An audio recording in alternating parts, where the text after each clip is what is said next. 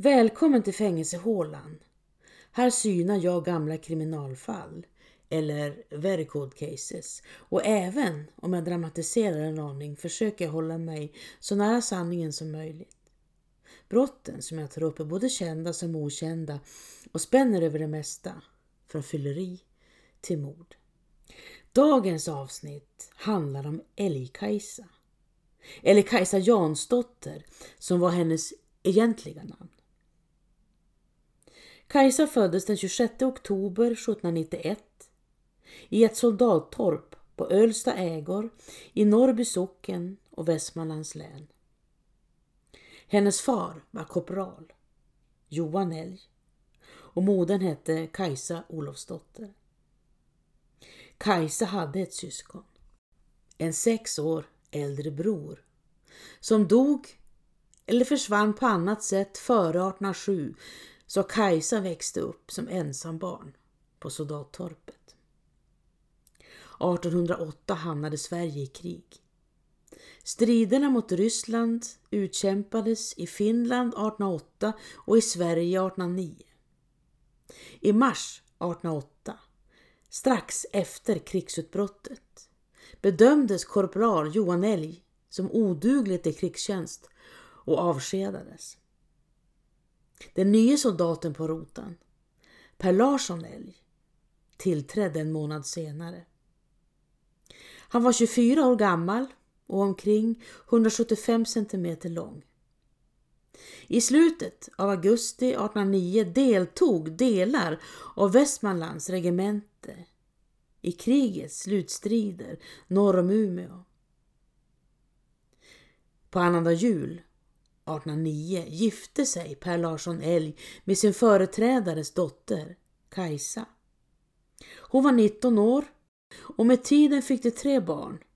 Anna, född 1811, Johan, född 1819 och Kajsa, född 1827. Per Elg var borta hemifrån under långa perioder. Västmanlands regemente fanns i Tyskland och Belgien 1813 och 1814 och deltog även i fälttåget mot Norge samma år. Det verkar som att de bodde nära varandra. Kanske till och med i samma hus. Kajsa, Per Elg, deras barn och Kajsas föräldrar.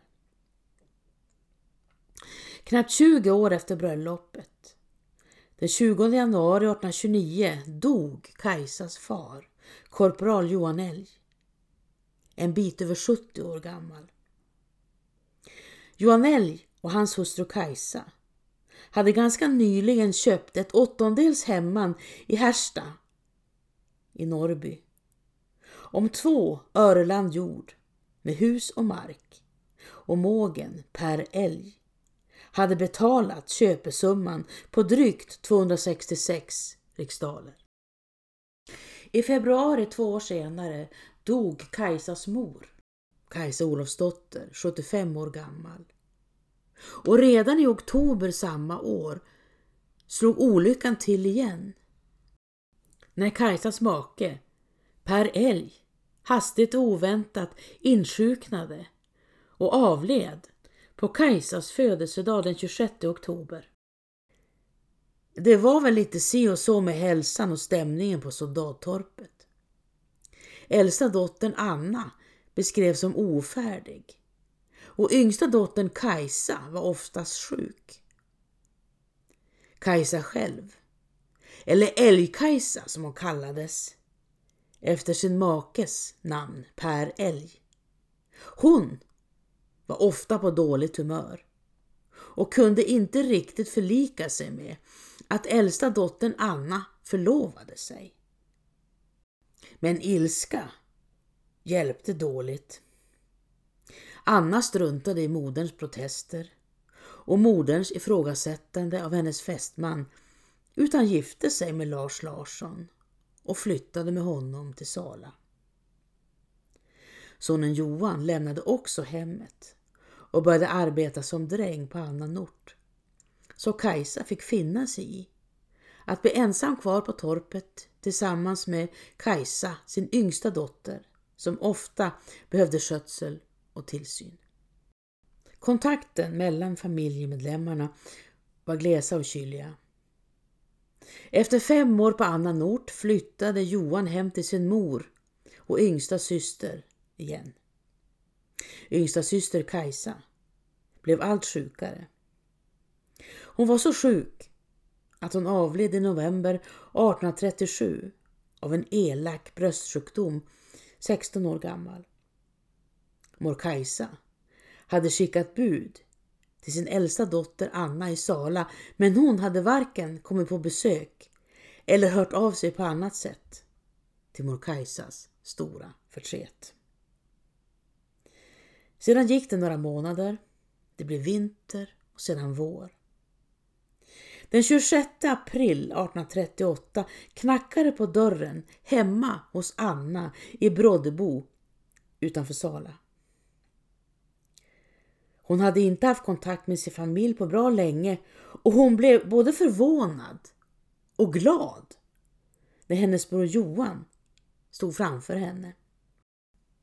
Johan hälsade och sa att han kommit till Broddebo för att köpa pinnar till en järnharv. Han hade hälsningar med sig hemifrån, fortsatte han, och packade upp färskost och nybakade rågbullar som mor Kajsa skickat med honom. Och inte nog med det. Johan hade köpt bullar på konditoriet inne i Sala. Anna åt upp en halv bulle. Den andra halvan la hon i fönstret för att doppa i kaffet morgonen efter. Det knastrade konstigt mellan tänderna tyckte hon, men Anna trodde att det berodde på att Johan haft sand i fickorna där bullarna legat. Johan gick sin väg lite senare och Anna klädde av sig och gick till sängs. Under natten blev hon sjuk.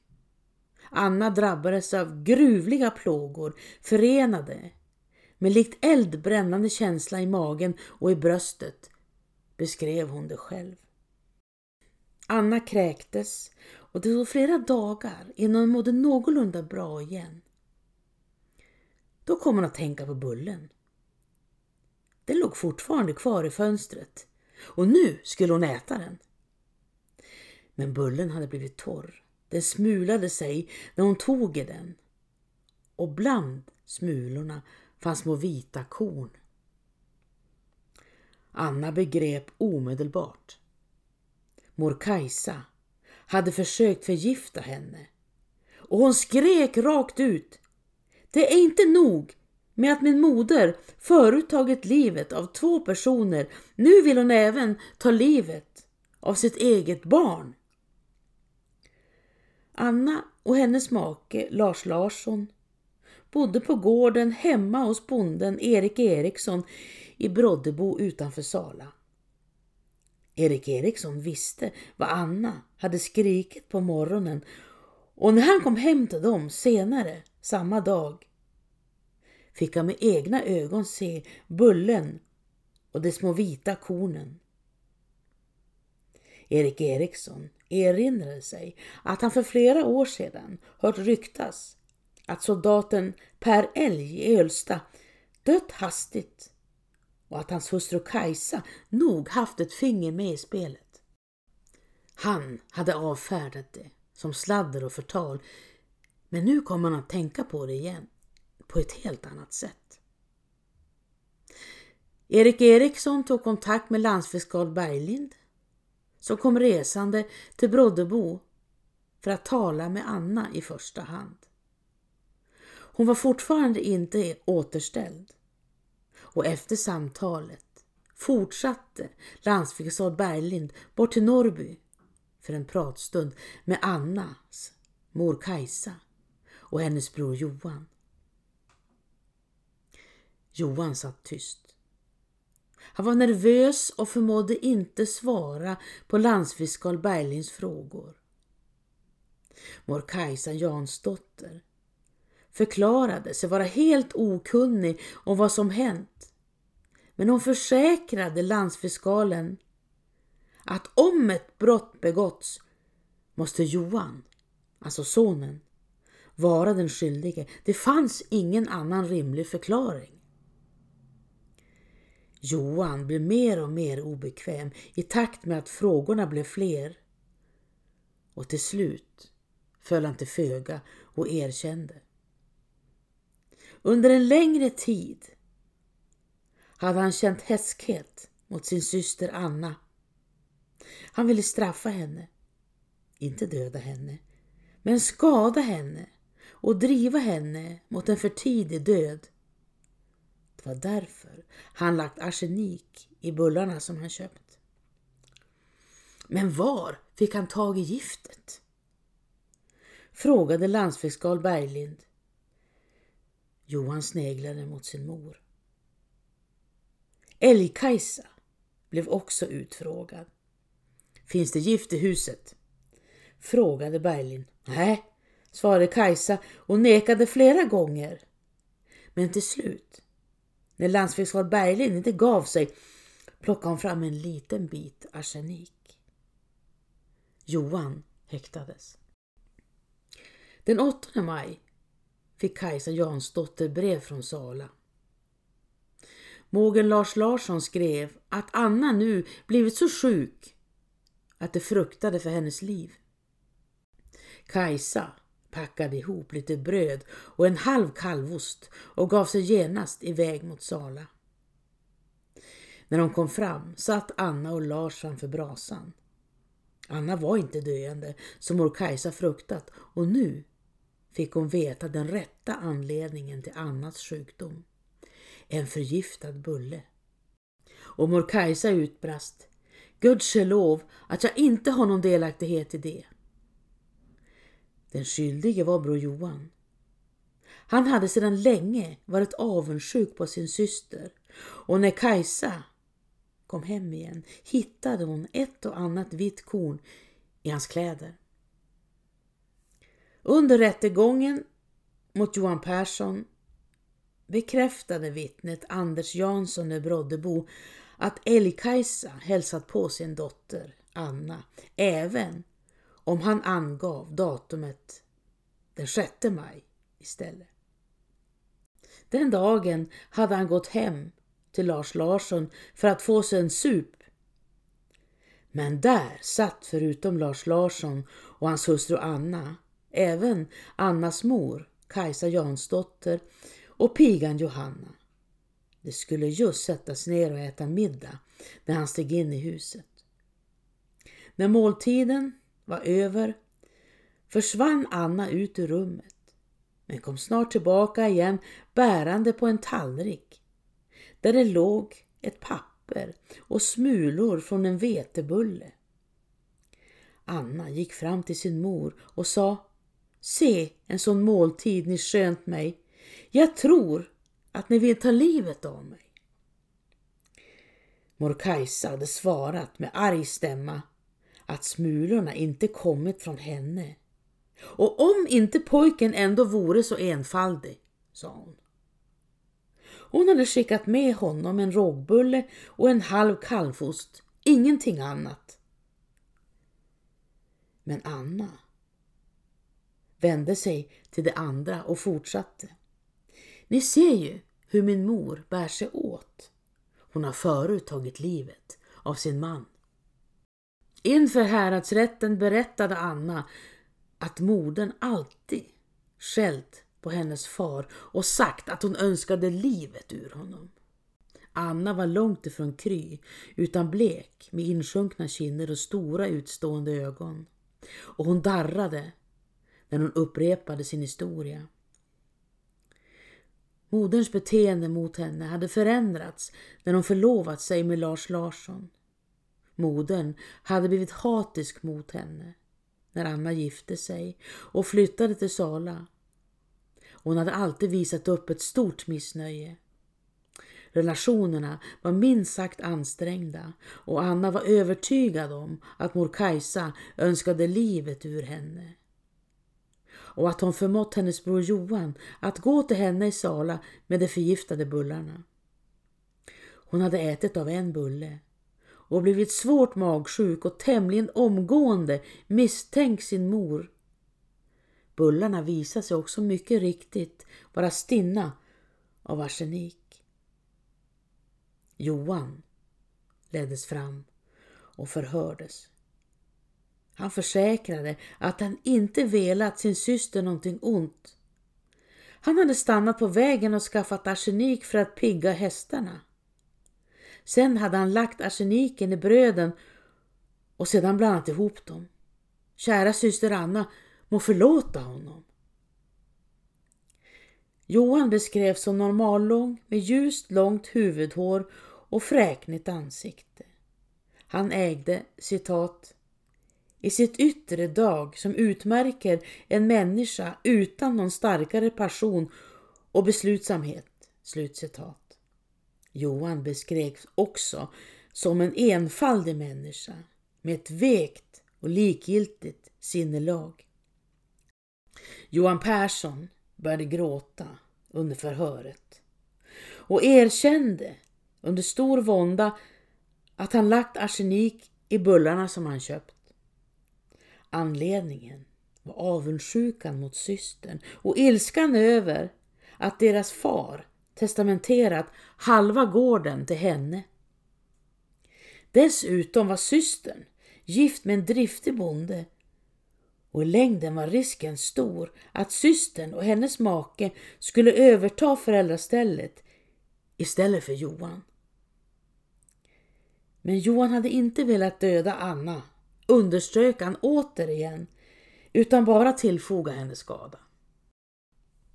Anna och Johans far, Per Elg hade varit en arbetsam och godsinnad man i livstiden, enligt dottern Anna. Det var mor Kajsa som skällde ständigt på honom. Mor Kajsa önskade livet ur honom och Anna mindes tydligt en incident som inträffat samma höst som han dog. Mor Kajsa hade kokat en grynvälling som hon ställt in i ett skåp. Hon skulle resa till Sala och förklarade med stor skärpa för barnen att de inte fick röra eller äta ur grynvällingen medan hon var borta. Anna hade blivit misstänksam. Hon tittade noga efter och där, bredvid kärlet med grynvällingen, låg ett papper med ordet arsenik. Anna blev så rädd att hon hällde ut grynvällingen och i botten av kärlet var det täckt med korn. När modern kom hem igen och insåg att hennes man Per Älg inte ätit av grynvällingen blev hon mycket upprörd och missnöjd. Anna berättade inför rätten om den 26 oktober 1831, dagen då hennes far, Per Älg, avled. Mor Kajsa hade kokat fisk till middag. Men istället för att som vanligt skicka ut någon av barnen efter honom fördelade hon maten på olika tallrikar. Mor Kajsa brukade annars lägga upp maten på ett stort fat så att alla fick ta själva. Barnen åt och när de var färdiga la hon upp en stor portion mat på en annan tallrik som hon förbjöd barnen att röra vid. Sen sa hon åt Anna att gå ut och hämta fadern och säga till att maten var serverad. Per Elg steg in i stugan. Han satte sig ner vid bordet och åt, men gick sedan ut igen för att fortsätta arbeta. Det dröjde inte länge förrän Per Elg var tillbaka inne i stugan. Han klagade över magsmärtor och sa att han hade så ont i magen att han inte kunde fortsätta arbeta utomhus. Mor Kajsa blev vred igen och började skrika och skälla på honom för att han var sjuk så ofta. Men fadern hade så ont i magen att han måste gå till sängs och efter en stund började han kräkas. Han kräktes hela natten. Dagen efter var han död. Efteråt fanns gula fläckar på hans buk, berättade Anna. Hon sa också att hon ofta sett sin mor hantera arsenik.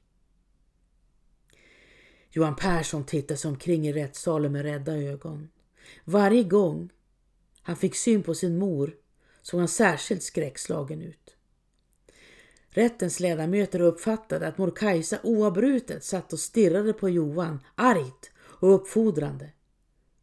Och de beslutade att resten av förhöret med honom skulle ske bakom lyckta dörrar. När åhörarna lämnat salen ändrade Johan sin berättelse. Det tog en stund men han avslöjade att mor Kajsa retat honom för testamentet och för att fadern gått emot Johan och gett hans syster Anna fördel i arvet. Mor Kajsa raljerade över att det var nog Anna som skulle ta över föräldrastället, inte han. Envist och uthålligt hade modern tjatat på honom så länge att Johan börjat betrakta sin syster med fiendskap. Det var modern som lagt gift i bullarna, sa han. Hans mor hade pressat honom att förgifta Anna och från och med nu överensstämde Johan och Annas syster och brors berättelser. Rätten beskrev Johan Persson som enfaldig, med mycken vekhet och böjligt lynne, men samtidigt som arbetsam och flitig. Vår Kajsa var enligt rätten hånfull, trotsig och kallsinnig. Hon var lång till växten, hade mörkt hår och djupt liggande ögon. Hon försvarade sig väl och kände till sina rättigheter. Kajsa Jansdotter berättade att hon till största delen levt i ett lyckligt äktenskap tillsammans med sin make. Hon tog avstånd från Anna och Johans vittnesmål och skrattade kaxigt och hånfullt när hon sa till åklagaren att han allt måste bevisa det han påstod om henne. Efter det vände hon sig till sina barn och sa det här är alltså lönen för alla de omsorger jag haft för er. Arsenik. Hon hade aldrig haft en bit arsenik hemma hos sig. Vem har sagt något sånt? Elikajsa hade på sätt och vis rätt ur ett teoretiskt perspektiv. Enligt lagen krävdes ett erkännande eller två av varandra oberoende men samstämmiga vittnesmål för en fällande dom. Och det hade inte åklagaren. Både Anna och hennes man Lars Larsson vittnade att de hittat arsenik i mor Kajsas olåsta skåp hemma på torpet som de tagit i beslag för att överlämna till lagens väktare men att någon hunnit före och brutit upp skrinet och plockat bort giftet. Även personalen på bageriet i Sala förhördes och bageriläringen som sålt bullarna berättade att han inte kände igen Johan men Kajsa Jansdotter hade varit inne i slutet av april och köpt vetebullar av honom. Kajsa uppmanades att tala sanning och hon erkände att hon preparerat bullarna. Hon hade påverkat Johan och viglat upp honom mot hans syster. Det var sant. Men meningen var inte att Anna skulle dö. Utan mor Kajsa var vred på Anna för att hon inte hälsat på sin lilla syster under hennes sista sjukdom. Hon ville lära Anna en läxa för att hon varit ett så olydigt barn som liten och att hon struntat i sin syster. Nämndeman Erik Eriksson berättade att Älgkajsa stulit vetemjöl av bonden Erik Andersson och att hon sedan slagit sin son för att han nekade till att ta på sig skulden för stölden. Den 25 augusti 1838 dömde häradsrätten Johan Persson till döden för mordförsök på sin syster Anna. Mor Kajsa väntade ett straff som delaktig, men mot henne fanns andra anklagelser som först måste redas ut. Den 11 september ställdes Älgkajsa inför häradsrätten igen anklagad för mord på sin make Per Älg, men också för att ha mördat sin mor Kajsa Olofsdotter. Kajsa nekade till alla anklagelser och hänvisade till att dottern Anna var en usel människa. Men hur var det med Kajsas mor, som dött i februari 1831, ett knappt halvår före hennes make Per Älg? Ännu en gång stod Anna Persdotter som vittne inför rätten. Hon var i uselt skick och darrade som av frostbrytningar. Men hon genomförde vittnesmålet och berättade om sin mormors död i februari 1831. Mor Kajsa hade rest till Falun. Under hennes frånvaro blev mormor sjuk och klagade över huvudvärk. När Älgkajsa kom hem igen kokade hon en ölsoppa åt sin mor. Men blandade också i någonting som hon stött med en mortel. Anna hade sett morteln och tyckte sig ana arsenikkorn. Efter en stund började mormor kräkas och dagen efter var hon död. Mormor hade flera gånger innan hon dog, medan hon var sjuk, ondgjort sig över ölsoppan och avslöjat att hon misstänkte sin dotter. Prästen, som kallat till Per Elgs dödsbädd ett halvår senare och som gett honom nattvarden, hade lagt märke till att Kajsa inte visat sin man den uppmärksamhet och omvårdnad som vid dylika tillfällen vore både vanligt och naturligt. Utan istället suttit och rört om i askan i spisen och vänt bort ansiktet. El-Kajsa skickades till Västerås fängelse och isolerades som bekännelsefånge. Det innebar kort och gott att hon fick sitta där hon satt till hon erkänt sitt brott.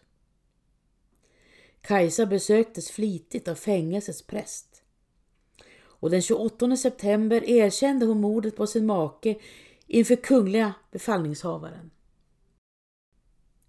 Hennes härsklystnad och onda natur ville bli kvitt mannen slog rätten fast. Nej, lät Kajsas svar. Han hade förolämpat henne och behandlat henne illa under hela äktenskapet. Den lördagen, den 26 oktober 1831, förflöt som så att Kajsa arbetat ute i brygghuset. Per Elg kom tillbaka från skogen med två lass ved. Han började genast förebrå Kajsa och anklagade henne för försummelse med dikesjordens utkastande på åkermarken och Kajsa svarade att mer angeläget arbete kommit emellan. Per Elg beskyllde henne också för lättja. Och det var i den stunden när hon blev så orättvist behandlad som hon beslutade sig för att ge honom giftet. Till frukost åt de fisk. Per Älg kände sig opasslig och stannade därför inne med lite skoarbete. Till middag lagade Kajsa en pölsa men krossade också en bit arsenik, stor som en ärta, och blandade ner. Kajsa, Jansdotter, nekade till mordet på sin mor. Och hon ville varken förklara eller diskutera olikheterna i sina barns vittnesmål eller gå in på dottern Annas berättelse. Under den pågående rättegången hade det kommit fram ytterligare mordmisstankar mot Kajsa Jansdotter. Det gällde hennes yngsta dotter, 16-åriga Kajsa. Hon hade precis som sin far och sin mormor blivit häftigt sjuk och drabbats av magsmärtor och kräkningar. Landsfiskal Bergling påstod att mor Elkajsa gett sin dotter kaffe och att hon efter det drabbats av häftiga kräkningar. Flera vittnesmål bekräftade för rätten att de tre misstänkta offren, mor Kajsa, maken Per och dottern Kajsa, före döden drabbas av kraftiga magsmärtor och att det efter döden svällt upp och att huden mörknat. Elkajsa nekade bestört till den sista anklagelsen och sa att flickan varit tokig och att hon lidit av lungsot redan som nyfödd. Den stackars lilla kraken hade plågats av sjukdom under hela sitt korta liv. Det må vara hur det vill med det andra, sa hon, men nog var jag öm mot flickan. Den 12 oktober 1838 dömdes Kajsa till döden för mord och mordförsök.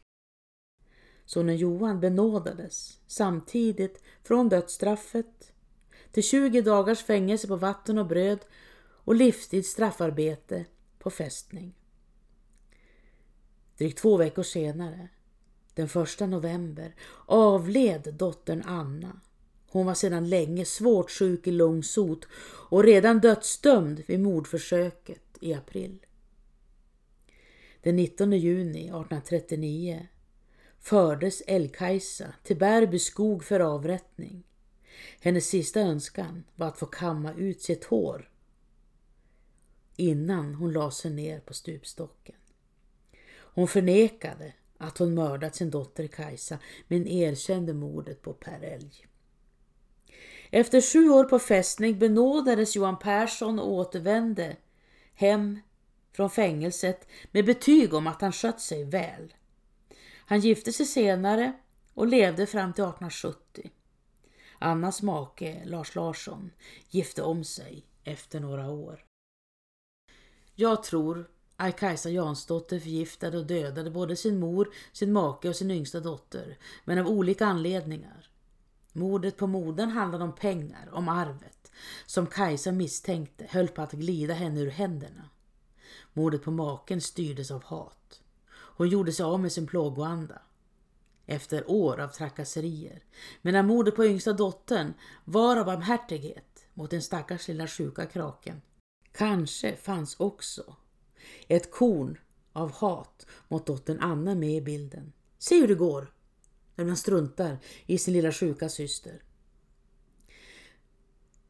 Fast det är ju bara spekulationer.